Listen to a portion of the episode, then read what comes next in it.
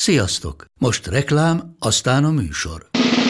A műsor, valamint az élményekkel teli utazások, személyre szabott ajánlatok és állandó kedvezmények támogatója a Molmove hűségprogram. Nyisd meg a Molmove appot, a profilodba belépve add meg a Pogi promóciós kódot, és tankolj Molevo és Evo Plus üzemanyagjainkból 15 forint per liter kedvezménnyel. Ne feledd, a Pogi promókóddal most még jobban megéri Molmove tagnak lenni. Vége a reklámnak, jön a műsor.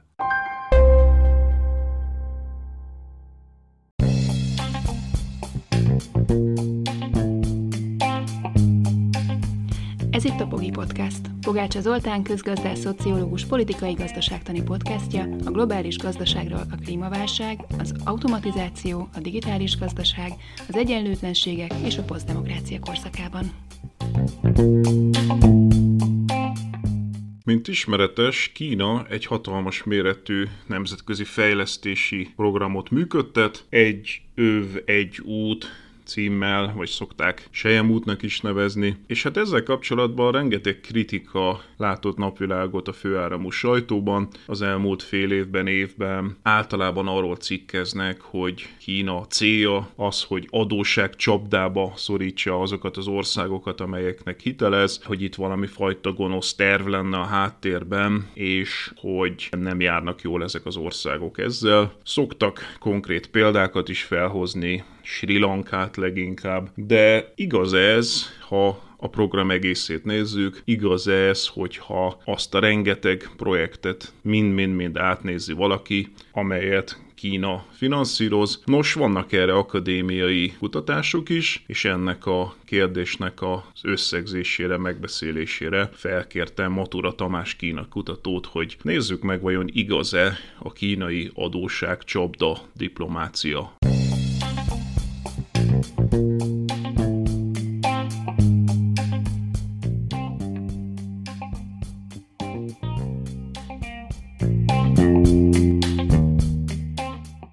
Mai beszélgető társam a kínai egy út, egy övezet kérdésének a megtárgyalásához Matura Tamás, aki a Corvinus oktatója. Köszönöm szépen Tamás, hogy elvállaltad ezt a beszélgetést. Köszönöm szépen a meghívást. Tamásról annyit kell tudni, bár akik figyelnek Kínára, azok azt hiszem az elmúlt években már úgy is megismerték, hogy ő részletesen foglalkozott amúgy a kínai befektetésekkel, és ezzel a, ez egy út, egy jövezet, sejemút nevezzük, aminek nevezzük dologgal, és hát ugye ez a tudományos kutatásainak és a fókuszában van, emellett hát nagyon-nagyon sokat járt Kínába, és tanítja is ezt a kérdést egyetemen, szóval, hogy valószínűleg a leges, legavatottabb szakértőjét találtam meg Magyarországon ennek a kérdésnek. Kezdjük azzal, hogy minek nevezzük ezt a dolgot, mert ugye ez a One Belt One Road, ez olyan hülyé hangzik magyarul, hogyha egy öv, egy övezet, egy út, szokták sejemútnak, szóval szerinted mi a legjobb elnevezése, mit használjunk ebben a beszélgetésben?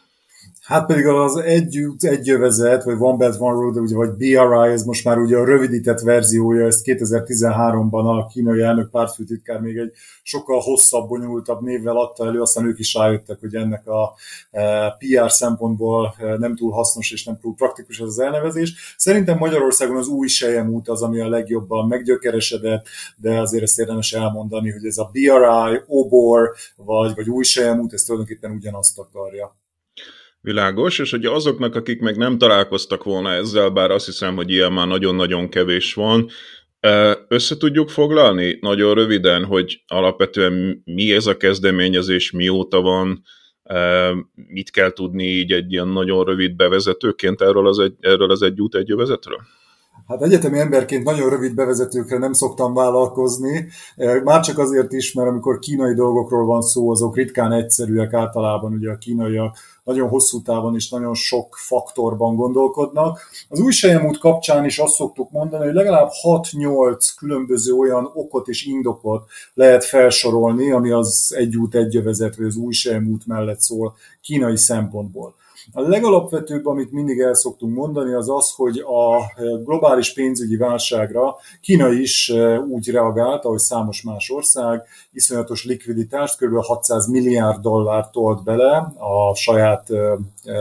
költségvetéséből, illetve főként hitelekből egyébként a gazdaságába. Annyiban volt ez más az egyéb országok reakcióihoz képest, hogy itt elsősorban infrastruktúra építésbe tették bele ezt az óriási összeget. Ez azonban elvezetett ahhoz, hogy Kínában egyrészt kialakult egy építőipari túlkapacitás, mind maguk az építőipari cégek, mind például a, a, vagy pedig a hátterüket, a cementgyártást, acélgyártást ideértve, illetve Kínában, különösen a hitelek terén túl sok pénz volt már, és egész egyszerűen a kínai gazdaság is mind fejlődésében, mind pedig méretében elért arra a szintre, amit a nagy nyugati gazdaságok korábban értek el, hogy a belpiacok már nem tudták igazán rentábilisan rentábilisan kielégíteni ezeket a kapacitásokat, ezért külföld felé kezdett Kína kacsingatni. Ez persze nem egy 2013 környékén elindult folyamat,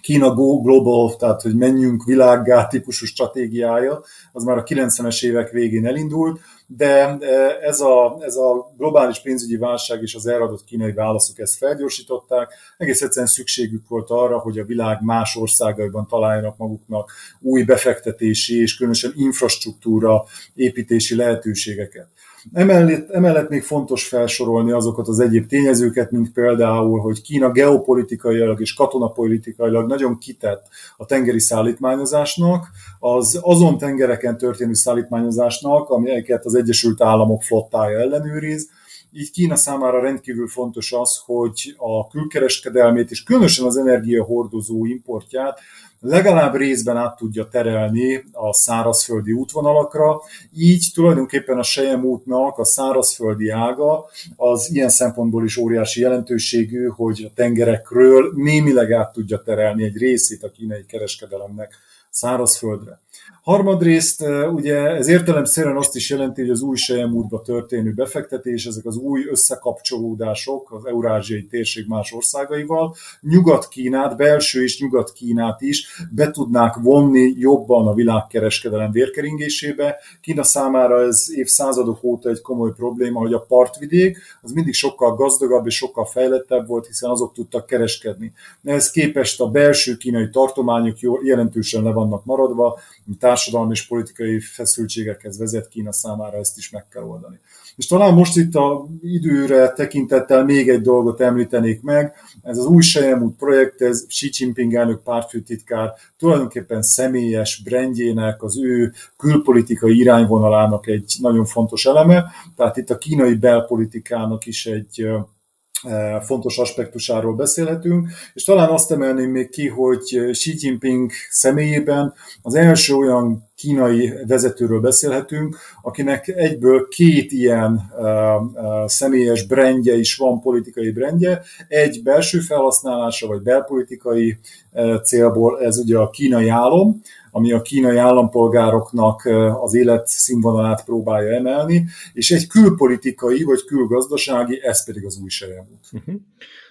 Na, az nagyon érdekes, hogy amikor ugye arra kértelek az előbb, hogy magyarázzuk el, hogy ez micsoda, és azt mondtad, hogy több e, fajta narratívája is van, akkor azzal, azokkal kezdted, amik Kína szempontjából, e, a Kína érdek, Kína érdek szempontjából közelítik meg ezt a kérdést, és szinte nem is említette tulajdonképpen azt, amit talán a kínaiak maguk eh, szoktak leginkább mondani erről, hogy ez valami fajta nemzetközi segítségi program is, nem? Tehát, hogy ez a közös prosperitás, meg mit tudom én, micsoda keretében, ők azért ezt úgy szokták elénekelni, hogy itt eh, Kína segít a világ nagy részének, fejlesztéspolitika, egy ilyen eh, nemzetközi fejlesztési program, vagy valami ilyesminek szokták ezt ők megzenésíteni. Így van, hát ez a, ez a marketing része a dolognak, azt gondolom, ez nem egy kínai specialitás. Ha arra gondolunk, hogy az Egyesült Államok a dekolonizáció időszakában, ugye a második világháborút követő évtizedekben pedig a nemzetek egyenlősége, a nemzetek önkormányzatisága és egyéb ilyen dolgokkal reklámozta azt tulajdonképpen, hogy az amerikai iparnak a termékei bejuthassanak a szabadkereskedelem égisze alatt ezekbe az újonnan kialakuló és függetlenedő országokba, akkor láthatjuk azt, hogy az ilyen nagy államoknak, amikor globális jellegű gazdasági, politikai akciókat indítanak, akkor természetesen valamiféle PR vagy marketing maszlaggal ezt nyakon kell öntenie. Ez persze nem jelenti azt, csak ugye a cinikus szól belőlem, ez nem jelenti azt, hogy valamiféle igazság alapja ennek ne lenne. Hiszen ahogy az Egyesült Államok esetében ott valóban volt egyfajta hit abban, hogy a szabadkereskedelem az a fejlődő országoknak is jó lesz, hát erről aztán ugye később kiderült, hogy nem feltétlenül igaz. Ugyanígy a kínaiak egy része is valóban hisz abban, és a kínai kormányzat is valóban hisz abban, hogy itt Kína egyfajta a fejlődő országokat segítő eh, államként lép fel, és hát valóban vannak olyan esetek, amikor azt látjuk, hogy a kínai infrastruktúra építések azok fájóan hiányzó infrastruktúra elemeket hozhatnak létre ezekben a fejlődő országokban. Kína nem véletlenül hangsúlyozza ezt a ma már egyébként unalomig ismert úgynevezett win-win situation, tehát ez a mind a két fél nyer, vagy kölcsönös előnyökön alapuló együttműködést. Nagyon nehéz kibogozni ma már azt, hogy ebből mennyi a nettó propaganda, mennyi az az eset, amikor valóban kölcsönös előnyökön alapul, már csak azért is, mert szembe kell nézni azzal, hogy tetszik, nem tetszik, egy második hidegháború kibontakozásának lehetünk tanulni, legalábbis most még ezt látjuk, és ennek megfelelően azért a nyugat, és ezen belül különösen az Egyesült Államok is elkezdett olyan kommunikációs paneleket használni, amelyek, amelyek rosszabb színben tüntetik fel Kínát annál, mint ami egyébként a valóság lenne, hogy ezt majd a mai témákban jobban belemerülve megláthatjuk. Na azt mondtad, hogy nehéz kibogozni, hogy ez mennyiben hasznos az ország partnerországoknak, és mennyire nem. Én mégis majd ebben a beszélgetésben erre próbálok rávenni, hogy próbáljuk meg ezt kibogozni, hiszen ez a célja ennek a beszélgetésnek. De mielőtt ebbe az irányba elmennénk, azt én nagyon fontosnak tartom, hogy te megemlítetted itt a, az Egyesült Államok második világháború utáni fejlesztés politikáját, és te ugye a fejlődő országokat említetted, de van egy másik analógia is, amit én szoktam olvasni ezzel kapcsolatban, és ez pedig a Marshall terv.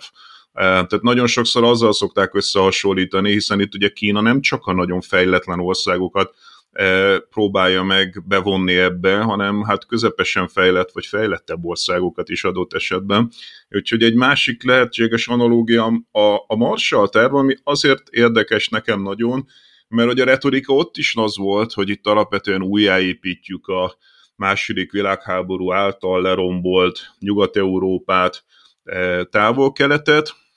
és hát elég sok elemzés van arról, hogy ha ennek megnézzük a nettóját, akkor ez tulajdonképpen egy ilyen keresletélénkítő politika volt amerikai cégeknek, tehát hogyha mondjuk megnézzünk egy háború utáni nyugat-európai országot, vagy egy kórát, akkor persze írtózatosan sok pénzt adtak az amerikaiak, de ebből nagyon-nagyon sokat vásároltak ezek az országok amerikai cégek e, exportját, és tulajdonképpen az amerikai belső keresletet élénkítette ez nettóban, arról nem is beszélve, hogy ezek az országok egyébként rengeteg fegyvert is vettek, e, ugyanúgy az Egyesült Államoktól, tehát hogy nem volt ez teljesen önzetlen az USA-tól sem, viszont e, ez a mostani programja Kínának ez ennél sokkal nagyobb. Tehát én láttam ilyen összehasonlításokat, hogyha az időt is figyelembe vesszük, ugye az azóta eltelt inflációt, akkor is, ha jól emlékszem, így 8-szor, 9-szer nagyobb ez a mostani Sejemút program, mint volt a Marshall terv. Igen, egyébként a kínaiak nem is szeretik, sőt határozottan próbálják elhatárolni az új sejemutat a Marshall segélytől, tehát ezt az összehasonlítást ők nem szeretik. Ami először furcsa lehet, mert azért a Marshall segély összességében, bár abszolút így igaz ez, hogy ez nem az amerikaiak részéről nem valami altruista, teljesen önzetlen dolog volt, de azért alapvetően a nyugat-európai országok háború utáni magához téréséhez, sőt aztán a nyugat-európai gazdasági csodához elég jelentősen hozzájárult. A kínaiak egyébként azért nem szeretik ezt a összehasonlítást, mert a Marshall segélyt politikai szempontból viszont úgy is számon tartjuk, mint egyfajta nyugati blokkot, ugye a szovjet blokkal szemben összerántó, azt megalapozó, a Szovjetunió ideológiájának terjedését megakadályozó, vagy legalábbis ebben óriási szerepet játszó programot. Ergo az összehasonlítás az azt is implikálná, hogy akkor ha az új sejemút egy Marshall segély, akkor a kínaiak most saját blokkot, saját, hogy is mondjam, holdudvart vagy befolyási övezetet akarnak építeni, és ennek még a látszatát is szeretné elkerülni a kínai kormány. Az nagyon érdekes, amit mondasz, mert ezt tényleg sokszor hangsúlyozzák, és ezt lehet is látni, hogy Ugye Nyugat-Európa folyamatosan mindenfajta, meg hát az Egyesült Államok főleg blokkokat hoz létre, a NATO nyilván a legismertebb, de hát volt ugye Nyugat-Európai Unió nevű szervezet, aztán most Ausztráliával hoznak létre mindenfajta ilyen e, tehát, hogy valamiért ez a nyugati világ ez nagyon szereti ezeket a blokkokat, és Kína meg teljesen tudatosan azt mondja, hogy neki nincsenek hát ilyen blokkszövetségesei, hanem nyitott mindenki felé. Én itt igazából abba akartam e, abba akartalak belehúzni, hogy mondjunk valamit a méreteiről ennek a, e, ennek a dolognak. Tehát, hogy ugye ez az nem jelentéktelen, hogy ez hatalmas összeg, ez a, e, ez a mostani egy út a Marshall segélyhez képest is, meg egyébként a nyugati országok jelenlegi fejl- nemzetközi fejlesztés politikájához képest is. Tehát az, mielőtt belemegyünk a, a, a hatásába, talán az fontos elmondani, hogy ez egy jelentős mértékben meghaladja a, akár Nyugat-Európa, akár az Egyesült Államok nemzetközi fejlesztés politikáját. Igen, bár ugye Kína kapcsán állandóan belefutunk ebbe a problémába, hogy nagyon nehéz szétszálozni a valóságot a PR részétől a dolognak. Tehát a kínaiak ebben az esetben is szeretnek nagyon nagy számokkal dobálózni. Ők egyébként ezt precízen teszik, csak aztán talán nem is a kínaiak hibája, hanem a nemzetközi média ezeket a terveket már kész tényként tálalja gyakran. Tehát a kínaiak valóban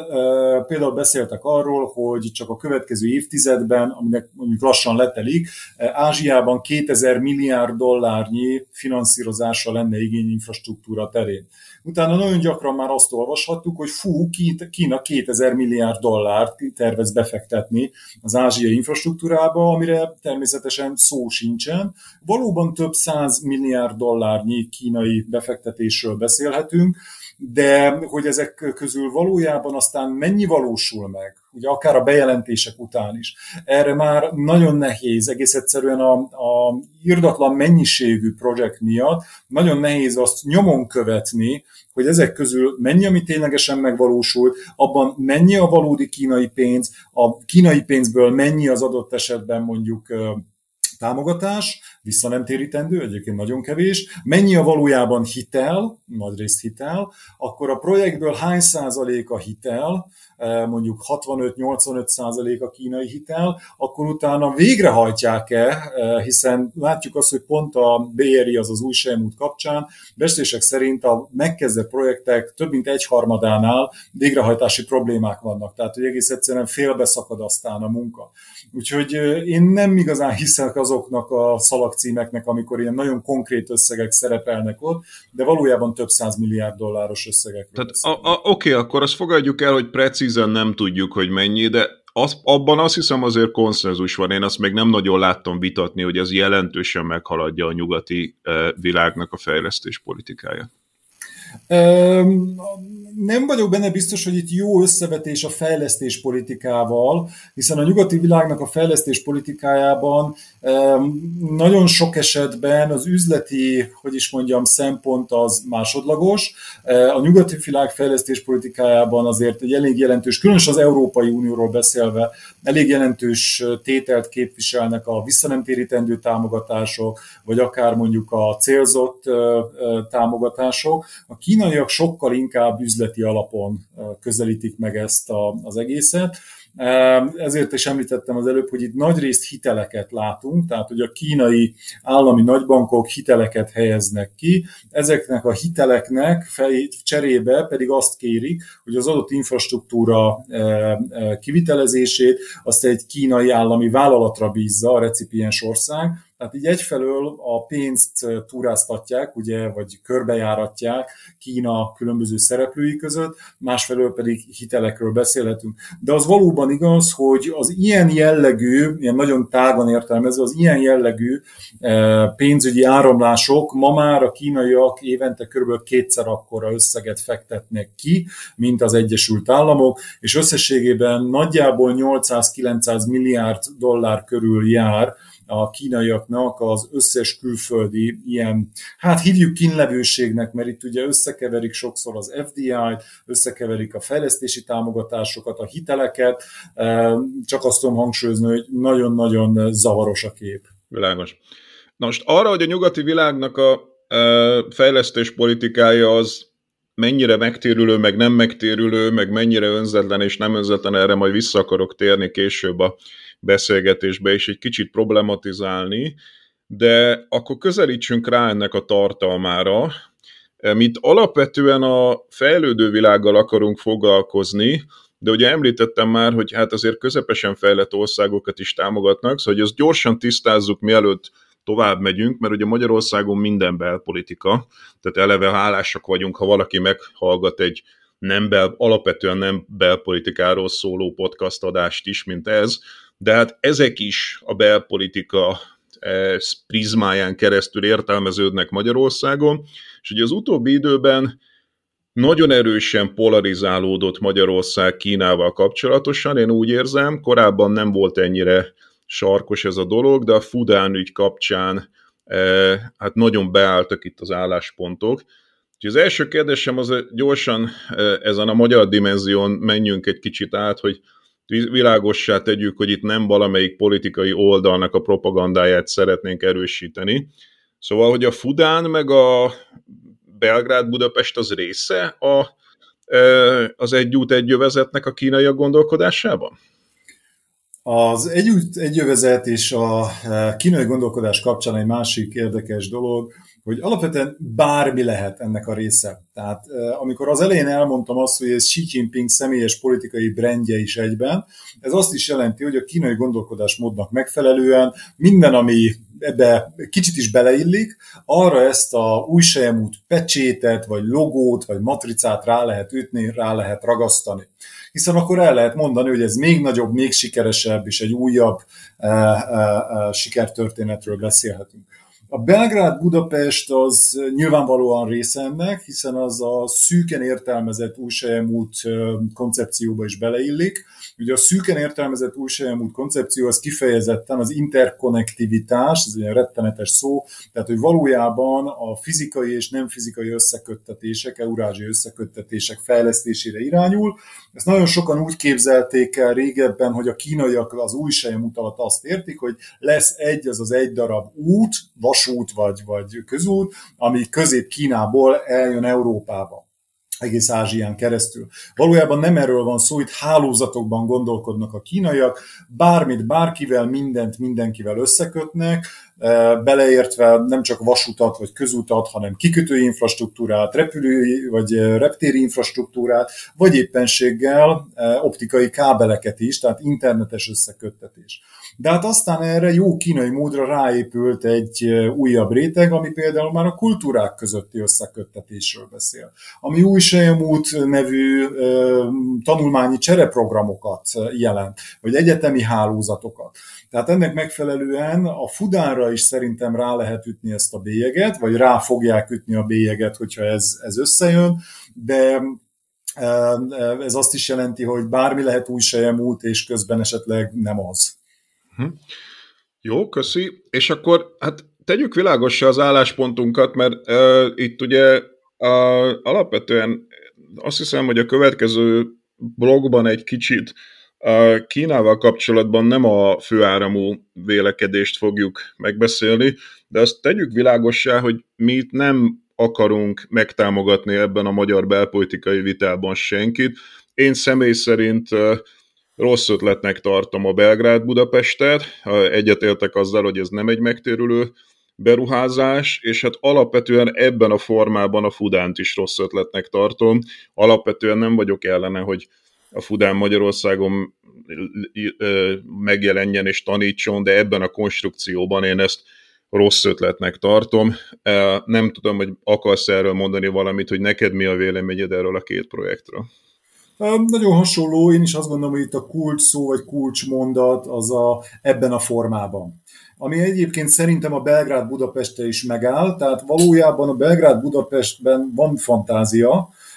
csak nem ebben a formában, és itt különösen a költségek, mind a Fudán, mind pedig a Belgrád-Budapest esetén, a költségek, illetve a konstrukció az, ami, ami nehezen indokolható, sőt nem csak nehezen indokolható, hanem eddig igazából nem láttunk olyan megvalósíthatósági tanulmányt vagy pénzügyi tervezést hivatalos forrásból, ami ezeket alá tudta volna támasztani, ezeket a gigantikus összegeket. Ugye a Belgrád-Budapest esetén, hát ha jól emlékszem, az utolsó összegek 700 milliárd forint körül jártak, de hát ugye az egy ideje nagy a csönd, ami mindig gyanús, tehát hogy lesz ez még több is. A,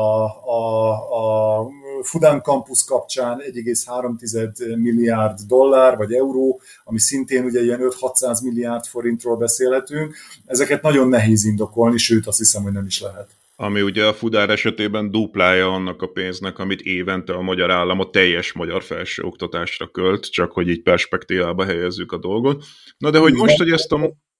Bocs, illetve, hogy, hogy azért engem még az is elgondolkodtat, hogyha mondjuk egy Harvardnak, Cambridge-nek, Yale-nek, Humboldtnak azt mondjuk, hogy gyerekek, itt van 600 milliárd forint, kaptok egy vadi új kampuszt, lehet, hogy ők is azt mondták volna, hogy jó, akkor csinálunk itt egy, egy filiáét, tehát um, még ezen is érdemes lett volna elgondolkodni, akár ha már ennyi fölösleges pénzünk van. Világos. Na most akkor most, hogy ezt a magyar dolgot egy kicsit így kontextusba helyeztük, akkor menjünk rá konkrétan a témájára a beszélgetésünknek, ami inkább a fejlődő világ.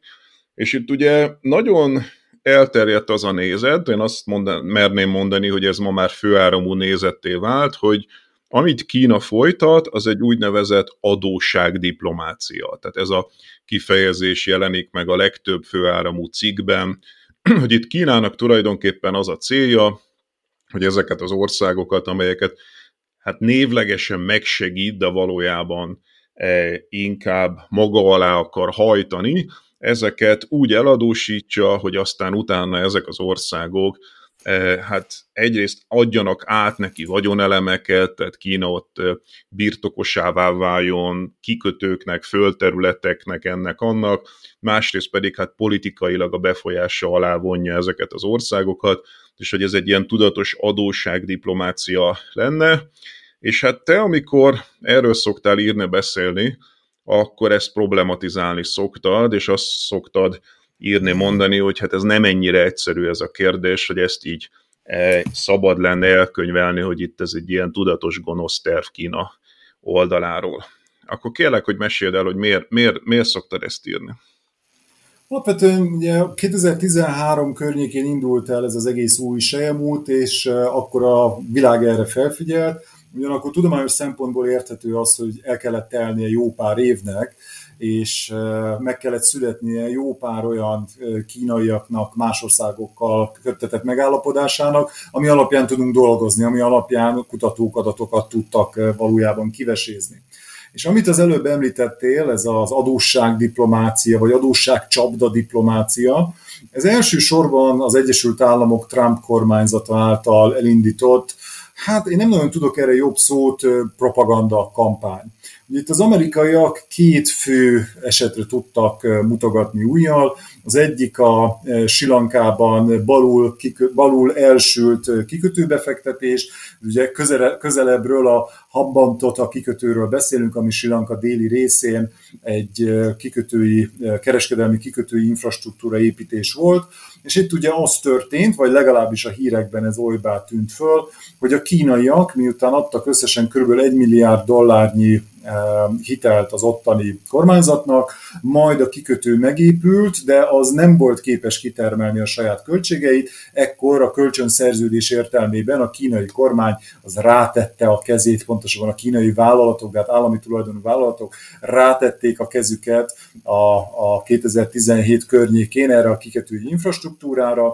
egy hasonló eset ment végbe, majdnem hasonló eset Malajziában, ahol pedig az úgynevezett keleti vasúti fővonal volt egy, vagy keleti vasúti fővonalat építették hasonló konstrukcióban, hitelkonstrukcióban a kínai vállalatok, és ott is felmerült ez, hogy végül kínai kézbe kerüljön maga a vasútvonal, mert nem tudta volna a maláj kormány a felmerülő költségeket fedezni. Na most ugye érdemes azt itt arra felhívni a figyelmet, hogy van kettő ilyen esetünk, amire lehet mutogatni, és egyébként 2000 és 2017 között az utolsó ilyen nagyobb felmérés szerint a kínaiak kb. 13 ezer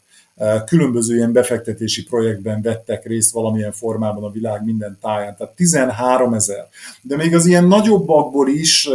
amik, amik azért feltűnnek a média radarján, azokból is több száz volt az elmúlt években, és ehhez képest ugye kettő ilyen lehet mutogatni újra.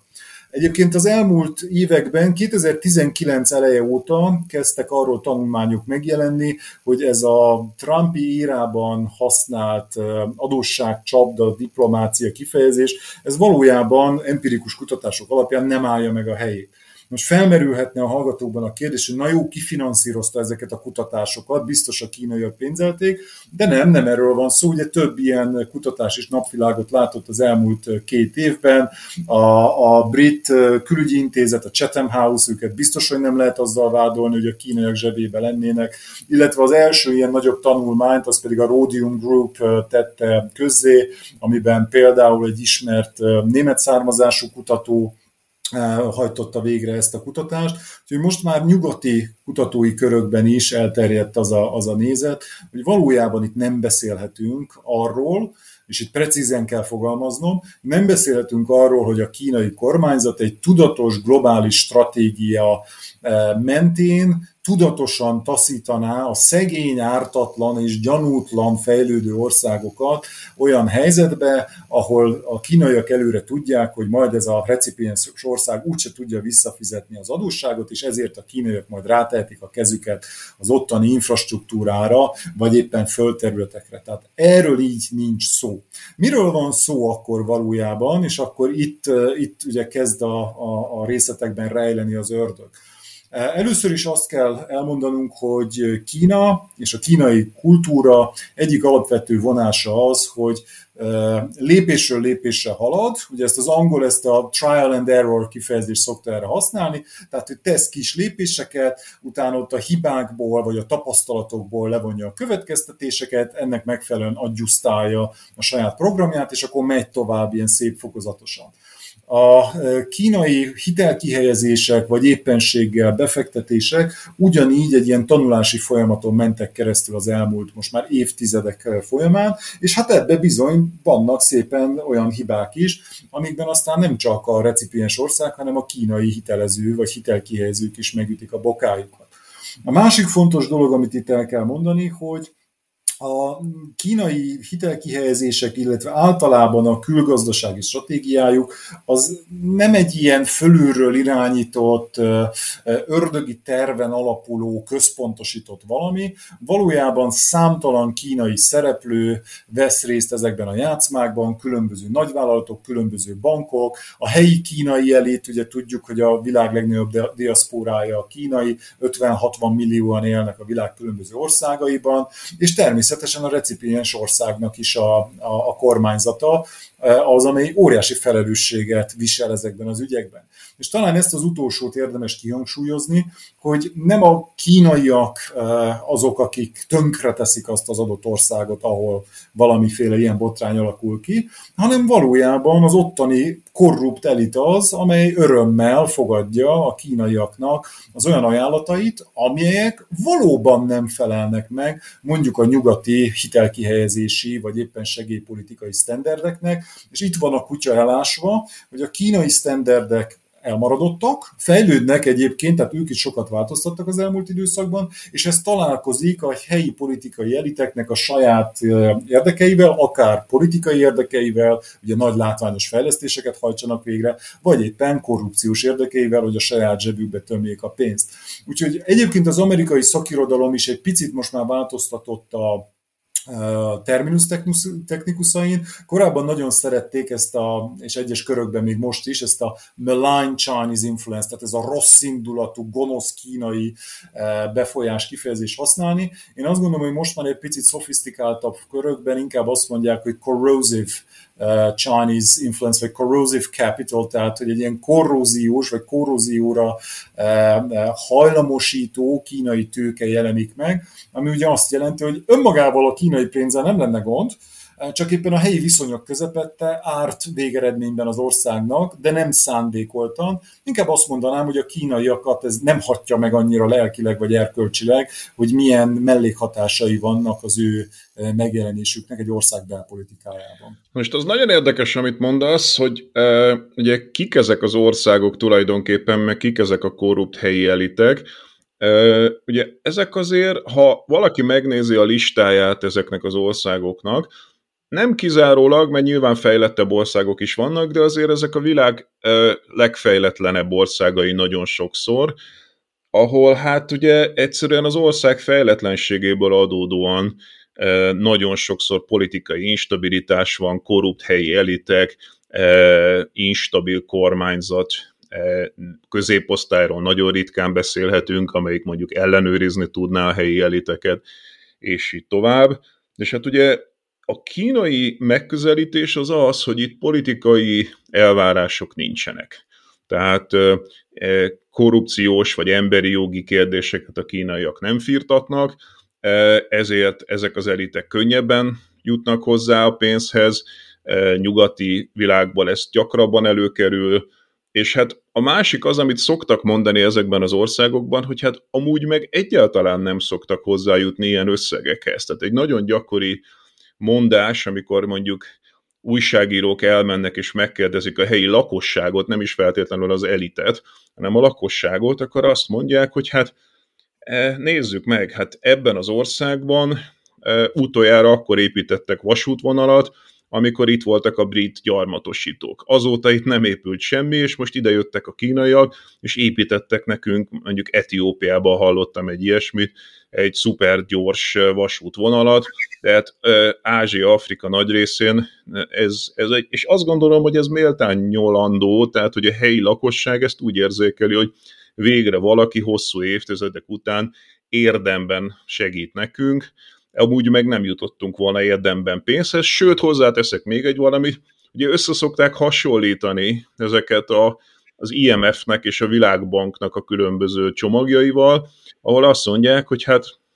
ezek a nagy nemzetközi szervezetek idejöttek, mindenfajta megszorításokat vártak el tőlünk, meg a Washington konszenzus, ezek bizonyíthatóan nem tettek jót az országoknak, ugye erről szól mondjuk Joseph Stiglitznek a munkássága, aki a Világbank vezető közgazdászából lett Nobel-díjas közgazdász, és több könyvet írt erről, hogy mennyire káros volt ezeknek a nagy nemzetközi pénzügyi intézményeknek a hitelezése, és akkor azt mondják ezek a helyi lakosok, hogy hát ehhez képest eh, Kína idejön és épít nekünk kikötőt, vasutat, tehát hogy tulajdonképpen az ő perspektívájukból teljesen érthető, hogy, eh, hogy ők ezeket a hiteleket szeretik. Az más kérdés, amit mondasz, hogy hát közben meg nagyon sokszor korrupt elitjeik vannak, akik hát egyrészt képtelenek érdemben a projekteket e, működtetni, és jó megtérülősű projekteket csinálni, másrészt megállopják a pénzeket. Így van, és egyébként azt se felejtsük el, hogy a kínaiak nem feltétlenül azért mennek ezekbe a legkevésbé fejlett vagy fejlődő országokba, mert ott érzik azt, hogy itt most a zavarosba halászhatnak, hanem azért is, mert hát a fejlett országokban nem tudnának labdába rúgni a kínai cégek. Tehát sem politikai, sem egyébként minőségi vagy szabványokokból nem képzelhető el az egyelőre, teszem hozzá, hogy mondjuk a kínaiak, az amerikai, a francia vagy a német piacon tudjanak autópályát vagy vasutat építeni. Tehát itt a kínaiak Bár, is egy... Bocsánat, hogy közbevágok, de ez ma már azért egy kicsit másképp van. Tehát ma már kínaiak építenek atomerőművet Nagy-Britániában például, vagy ugye a Huawei-t említeném, ami ugye 5G-s infrastruktúra, tehát ma már azért vannak olyan kínai cégek, amelyek versenyképesek akár a nyugati piacokon. Vannak, de az azért tettem hozzá, hogy egyelőre, mert hát egyébként a nagy, a Hinkley Pointi atomerőműben a kínai részvételt azt még várjuk ki a végét, A Huawei persze, hát az igen, hát az ilyen hívhatjuk infrastruktúrának,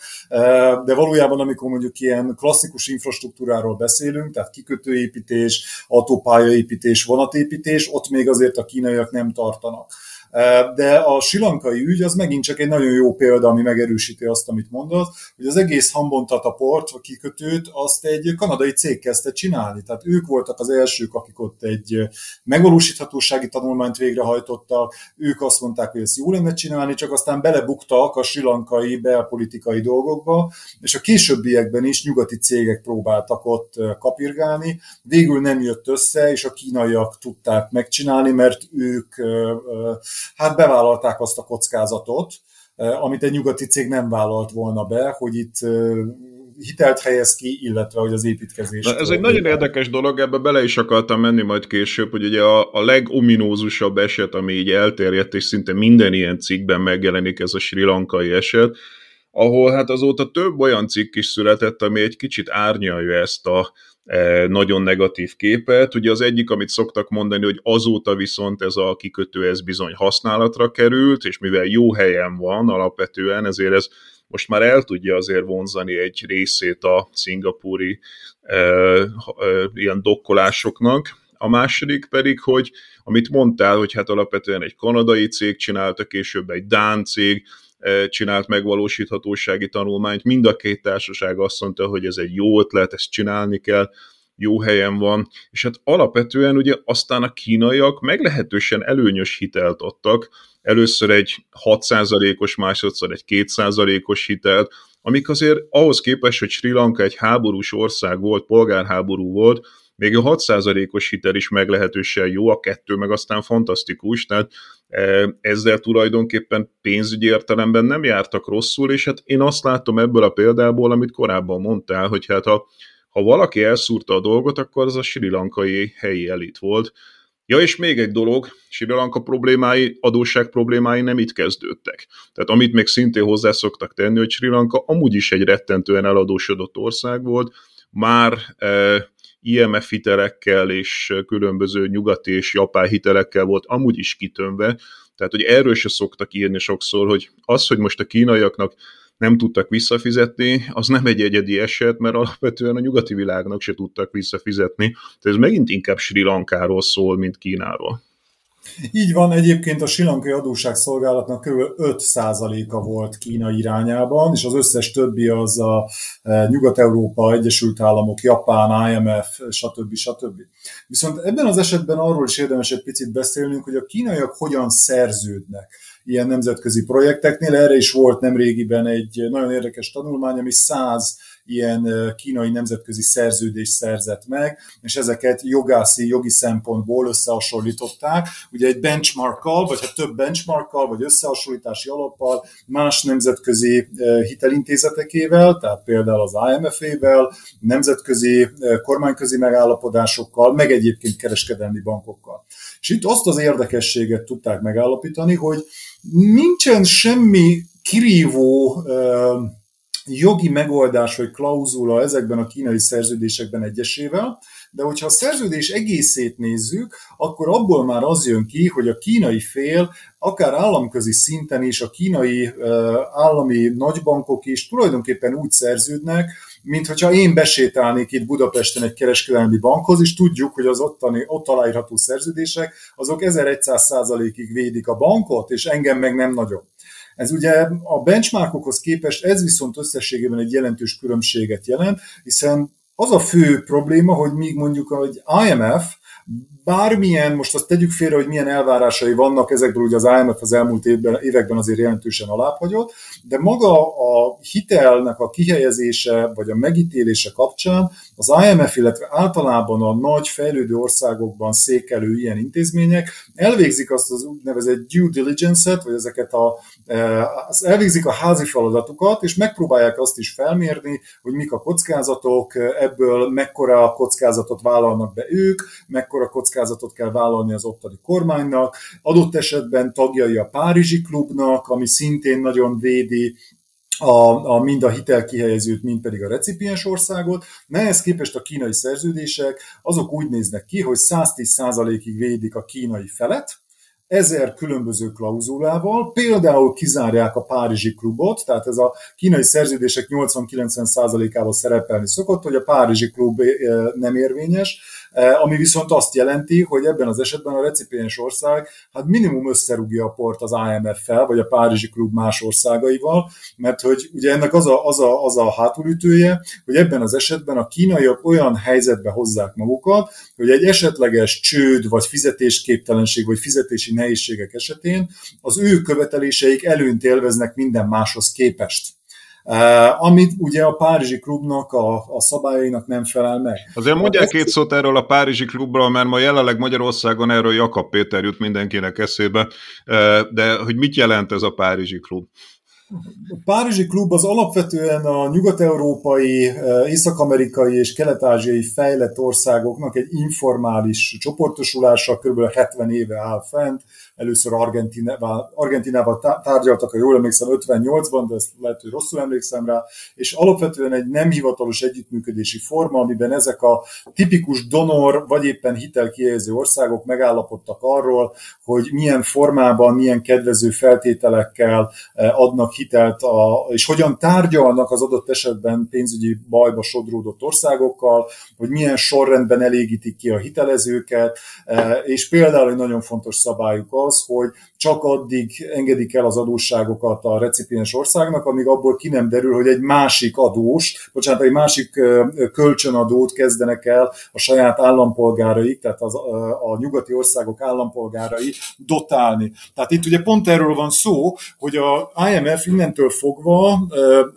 mondjuk Sri Lankának már sokkal nehezebben ad hitelt, ha probléma van, mert attól tart, hogy a IMF-nek megítélt hitelt, azt a, azt a kínaiaknak, kínaiaktól felvett kölcsön törlesztésére fordítja majd eh, Sri Lanka, ahelyett, hogy a saját államát rakná rendbe. Na, az is nagyon érdekes, amit most mondasz, mert ugye azokban a tanulmányokban, amelyeket te hivatkozol, ott például azt is megnézték, hogy akkor mi történik tipikusan, hogyha egy ország nem tud visszafizetni, mert ugye a köztudatban az van,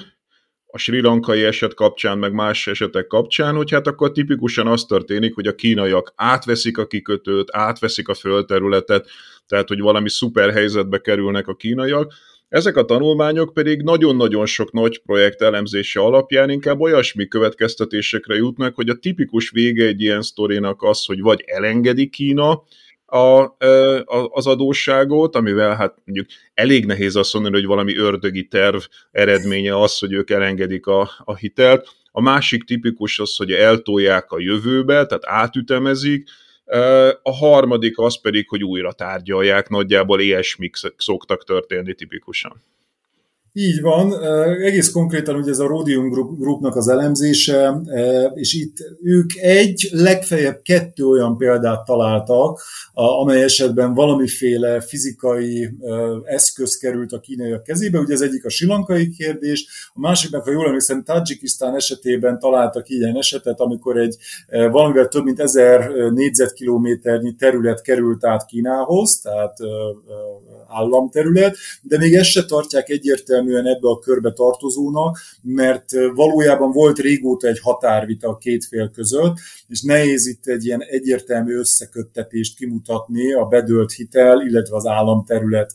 csere között. Ráadásul most így őszintén szólva a 9 millió 600 ezer négyzetkilométeres Kínának, ez az 1000 négyzetkilométer, bár nem tudom, lehet, hogy ez valami stratégiai fontosságú hely, de valószínűleg nem egy, nem egy életbevágó jelentős jelentőségű szerzemény Kínának. És így van, ahogy mondod, ez a tanulmány is arról szól, hogy az esetek döntő többségében a kínaiak például elengedik, vagy hát leírják a veszteségeiket, és elengedik a hitelt, átütemezik, vagy valamiféle megoldást próbálnak találni rá.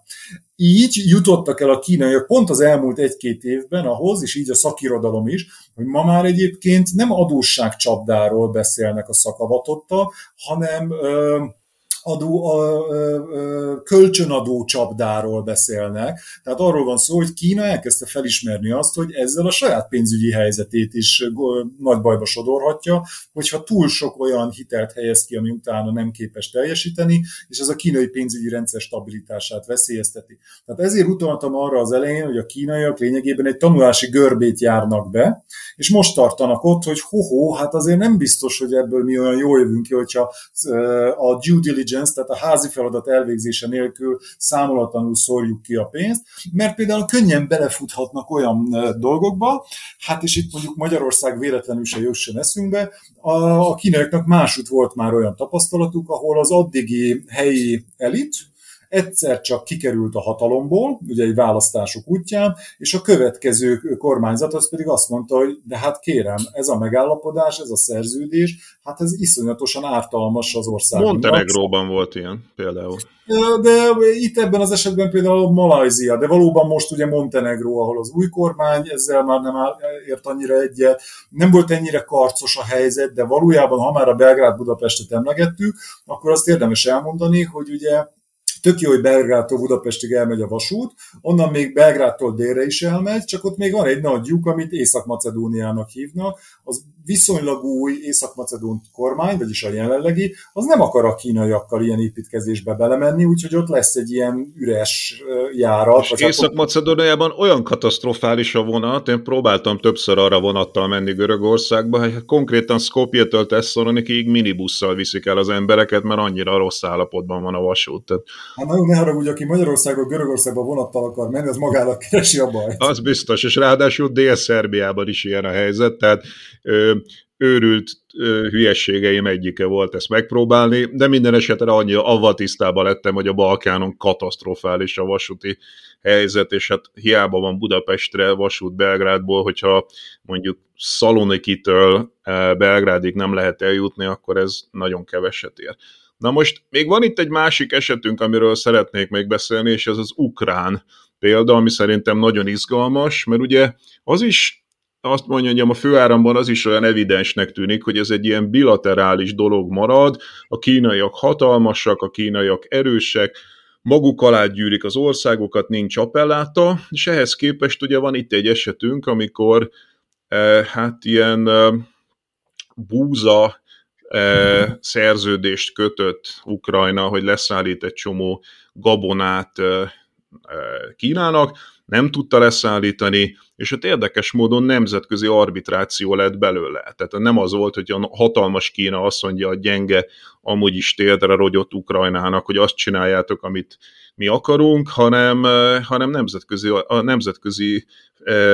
arbitráció oldotta meg valamennyire ezt a kérdést. Alapvetően Ukrajna esetében az az érdekes helyzet áll fent, hogy a e, Oroszországgal való konfliktus az kihat a Kínával e, fenntartott kapcsolataira is. Ugye áttételes módon egész egyszerűen arról van szó, hogy 2014 óta, sőt hát azt megelőzően is ugye az ukránok e, elkezdtek közeledni a nyugathoz, az Oroszország által végrehajtott inváziót követően pedig egyértelműen az Egyesült Államok segítségére és részben az Európai Unió segítségére vannak utalva. Na most ez a korábbiakban még nem élezte ki annyira a helyzetet, de ma már látjuk, hogy Ukrajnának is nagyon alaposan meg kell gondolnia azt, hogy mennyire bosszantják az amerikaiakat, esetleg egy Pekinggel szorosabb kapcsolat segítségével tehát azt látom, hogy Ukrajna nem fog közelebb húzódni Kínához, két okból. Az egyik ez, mert hogy az amerikaiakat ezzel nem akarják maguktól elidegeníteni, a másik meg az, hogy a legtöbb Oroszországgal problémát, vagy problémás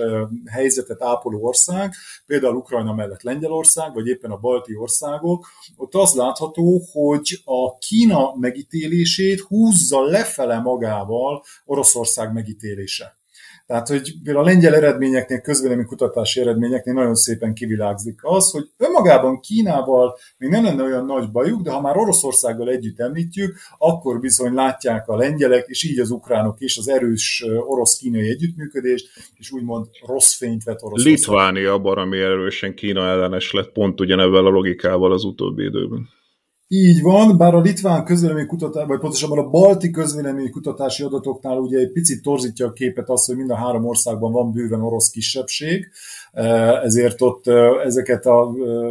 kutatási adatokat valahogy tisztítani kéne ettől, de valóban Litvánia az elmúlt, hát körülbelül az elmúlt egy évben a Kína ellenes európai irányvonal fő szószólója lett, ami azért érdekes egy emlékeim szerint két, millió, két milliós országtól Kínával így szembe menni. De hát a litván kollégáim azért szoktak arról beszélni, hogy itt van hátszele a dolognak nemzetközi szintére. Mhm. Most még egy dologról szeretnék beszélni, és ez a összehasonlítás a nyugati világgal. Mert hogy ugye az is szerintem egy probléma, hogy ezt az egész kínai hitelezést ezt úgy önmagában szokták kritizálni, és hát soha nem hasonlítják össze azzal, hogy hát mit jelentett ugyanezen hitelezett országoknak a nyugati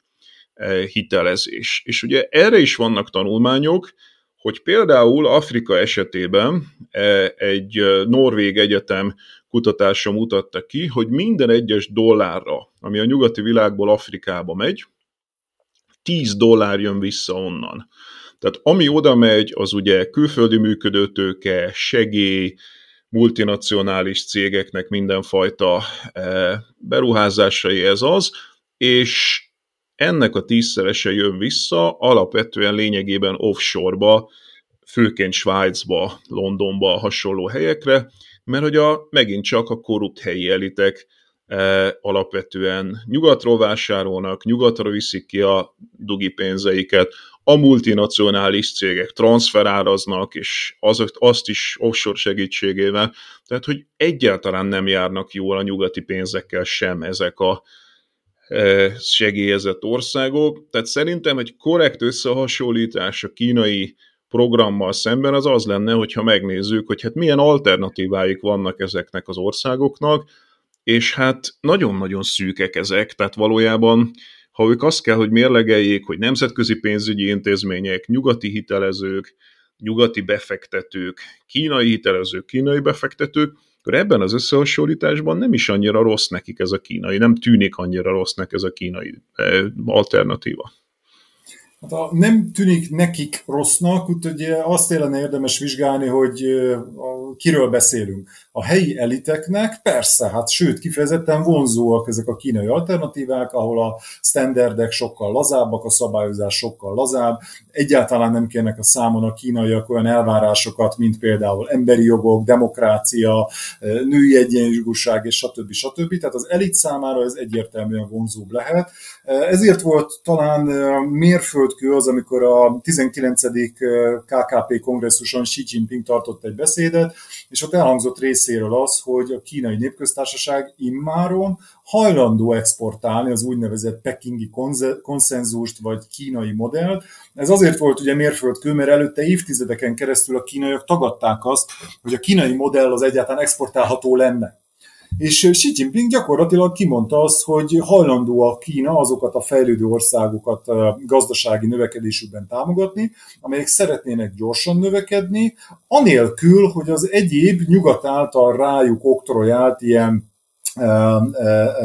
hámot a nyakukba kellene venni, vagy a zablát a szájukba kéne venni. Most értsd, tehát hogy úgy segítünk titeket gazdaságilag növeked, növekedni, hogy nem kell ezért demokráciában, vagy, vagy emberi jogokban előrelépnetek. Ez a fejlődő országok, vagy hát néha nem csak fejlődő országok elitjének valóban vonzó lehet, örökké hatalomban maradni, a népszáját befogni ugye azzal, hogy van kenyér, miközben viszont a demokráciát nem kell erősíteni. Na most az, a népnek magának, ami hát ez megint egy ilyen nagyon tág fogalom, eh, hogy ez mennyire jó hosszú távon, hát ezen már el lehet gondolkodni. Eh, a nyugat az valóban azt mondja, hogy, eh, hogy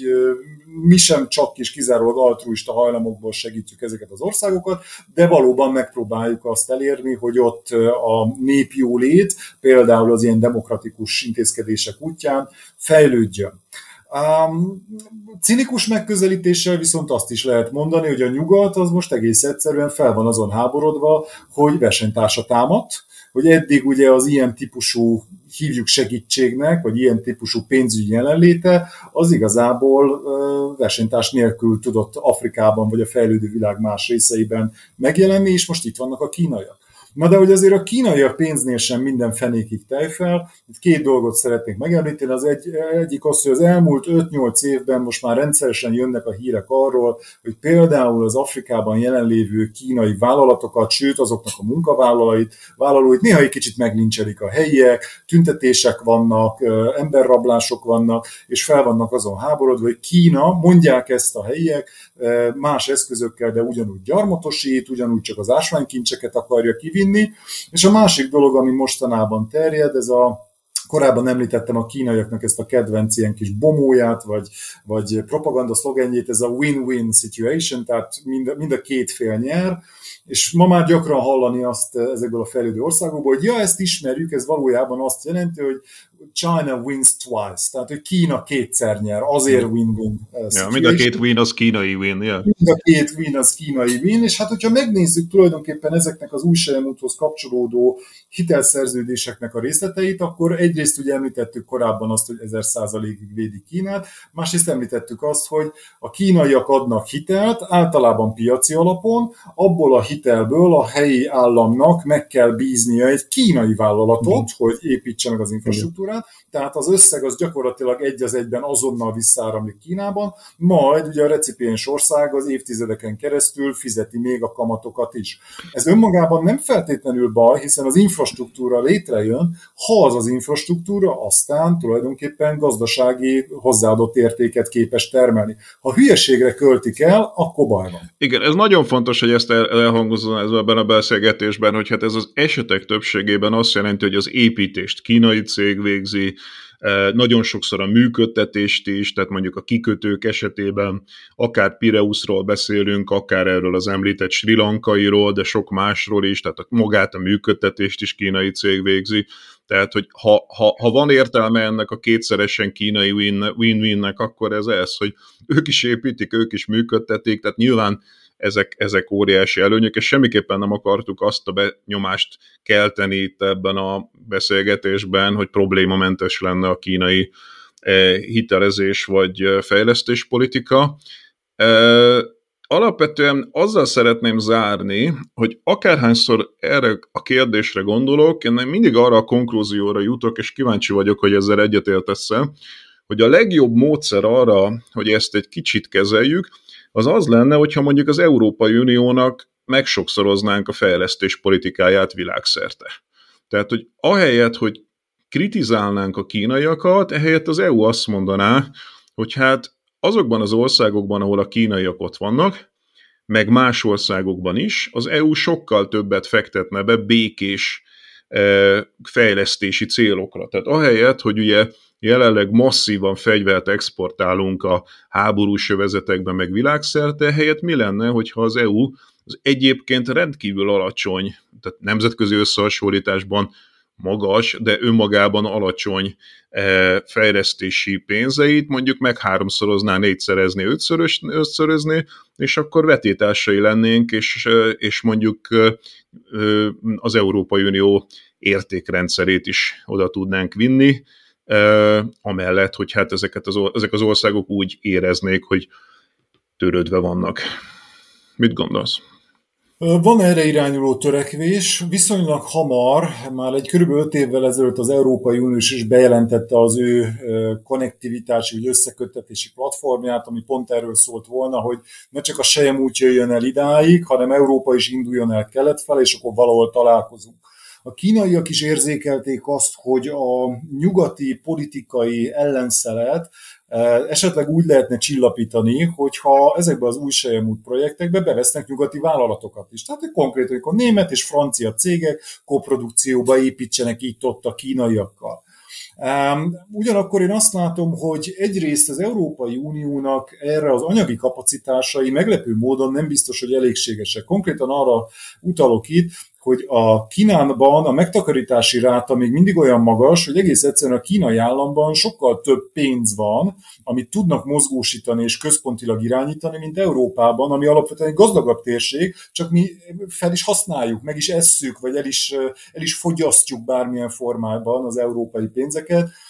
és én egyszer egy tanulmányt az Egyesült Államok és Kína összehasonlításában olvastam, és ott is ugyanez volt a végeredmény, az Egyesült Államoknak még jóval nagyobb a GDP-je, csak éppen el is fogyasztja, a kínaiak meg ki tudják helyezni. És még egy, nem is annyira ellenérv, mint inkább aggodalom, hogy nagyon sokszor halljuk azt, hogy a recipiens országoknak ez a package, you know, ez a package az, ami tetszik, amit a kínaiak tudnak adni, hogy akkor mi hozzuk a finanszírozást is hozzá, adjuk a céget is hozzá, és akkor így kulcsra készen odaadjuk, akár még üzemeltetjük is utána, hiszen még egyszer ez fontos hangsúlyozni, önmagában ez az üzleti modell nem rossz, a recipiens ország számára sem, ha ez egy értelmes befektetésben valósul meg. Most a nyugati cégeknél már csak azért is, mert ugye az Európai Uniónak, illetve a nyugati kapitalista országoknak a, a hogy is mondjam, a versenyszabályozása nagyon sok esetben ezt az összefonódást kizárja. Picit visszautalva itt a Budapest-Belgrád vasútra, ne felejtsük el, hogy az első esetben, az első felvonásnál az Európai Bizottság azért indított kötelezettségszegési eljárás Magyarország mellett, mert hogy pontosan így az eredeti szerződésben össze volt kötve a hitel és a kivitelező cég. Tehát egy ilyen csomag volt, és erre azt mondta az Európai Unió, hogy na-na, nem, nem, először a hitelre kell külön egy versenyeljárás, és utána a kivitelező cégre. Úgyhogy ez egy nagyon érdekes kérdés számomra, hogy hosszú távon a nyugatba, nyugati világban egyébként okkal és joggal kiforrott szabályozási környezet, az tud-e a kínaiakkal versenyezni? Persze itt van egyfajta konvergencia, hogy erre korábban is már utaltunk, a kínaiak is rájönnek szépen arra, hogy azért a nyugati szabályozásnak sem véletlenül alakultak ki ugye a részletei ahogy, és a kínaiak is indulnak ebbe az irányba, de egyelőre a fejlődő világban én azt látom, hogy versenyelőnyük van. Uh-huh. Jó, köszi szépen. Van-e olyan, amit ezzel kapcsolatban, ezzel a kérdéssel kapcsolatban érdemes meg elmondani, hogy nem került szóba ebben a beszélgetésben? Talán egyetlen egy örök javaslat Kína kapcsán, hogy nem fekete vagy fehér, mint ahogy azt hiszem ez az elmúlt egy óra is nagyon jól bizonyítja, hogy nem szabad mindent elhinnünk, se pro, se kontra, a dolgok általában sokkal bonyolultabbak, Kína sem egy gonosz, de nem is egy jó tétemény, és hogy a helyi kormánynak van mindig a legnagyobb felelőssége, hogy okos döntést hozzon, akár kínai, akár más pénzt fektet. Ez egy nagyon jó végszó volt. Köszönöm szépen Matura Tamásnak, a Corvinus Kína szakértőjének a beszélgetést. Köszi. Köszönöm szépen.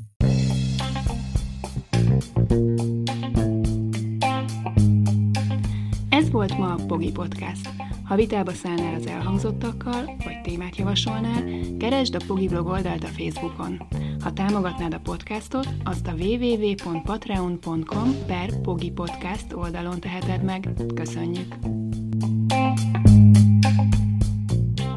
Ha más podcastekre is kíváncsi vagy, hallgassd meg a Béton műsor ajánlóját. El tudod képzelni, hogy a podcastet, amit éppen most hallgattál, fél év múlva már a mesterséges intelligencia generálja? Mi sem. De ha érdekel, eljötte már a gépek lázadása. Hallgass bele az Embertelen podcastbe. Orsós Lajos vagyok, a műsor házigazdája. Egyelőre még élőben. Egyelőre. Fedezzük fel együtt, hogyan ismerkedik, randizik, mesél és vitatkozik Betty és Péter, két teljesen mesterséges intelligencia. Lajos, a podcast címét mond még egyszer, Léci. Oké. Okay. Embertelen podcast.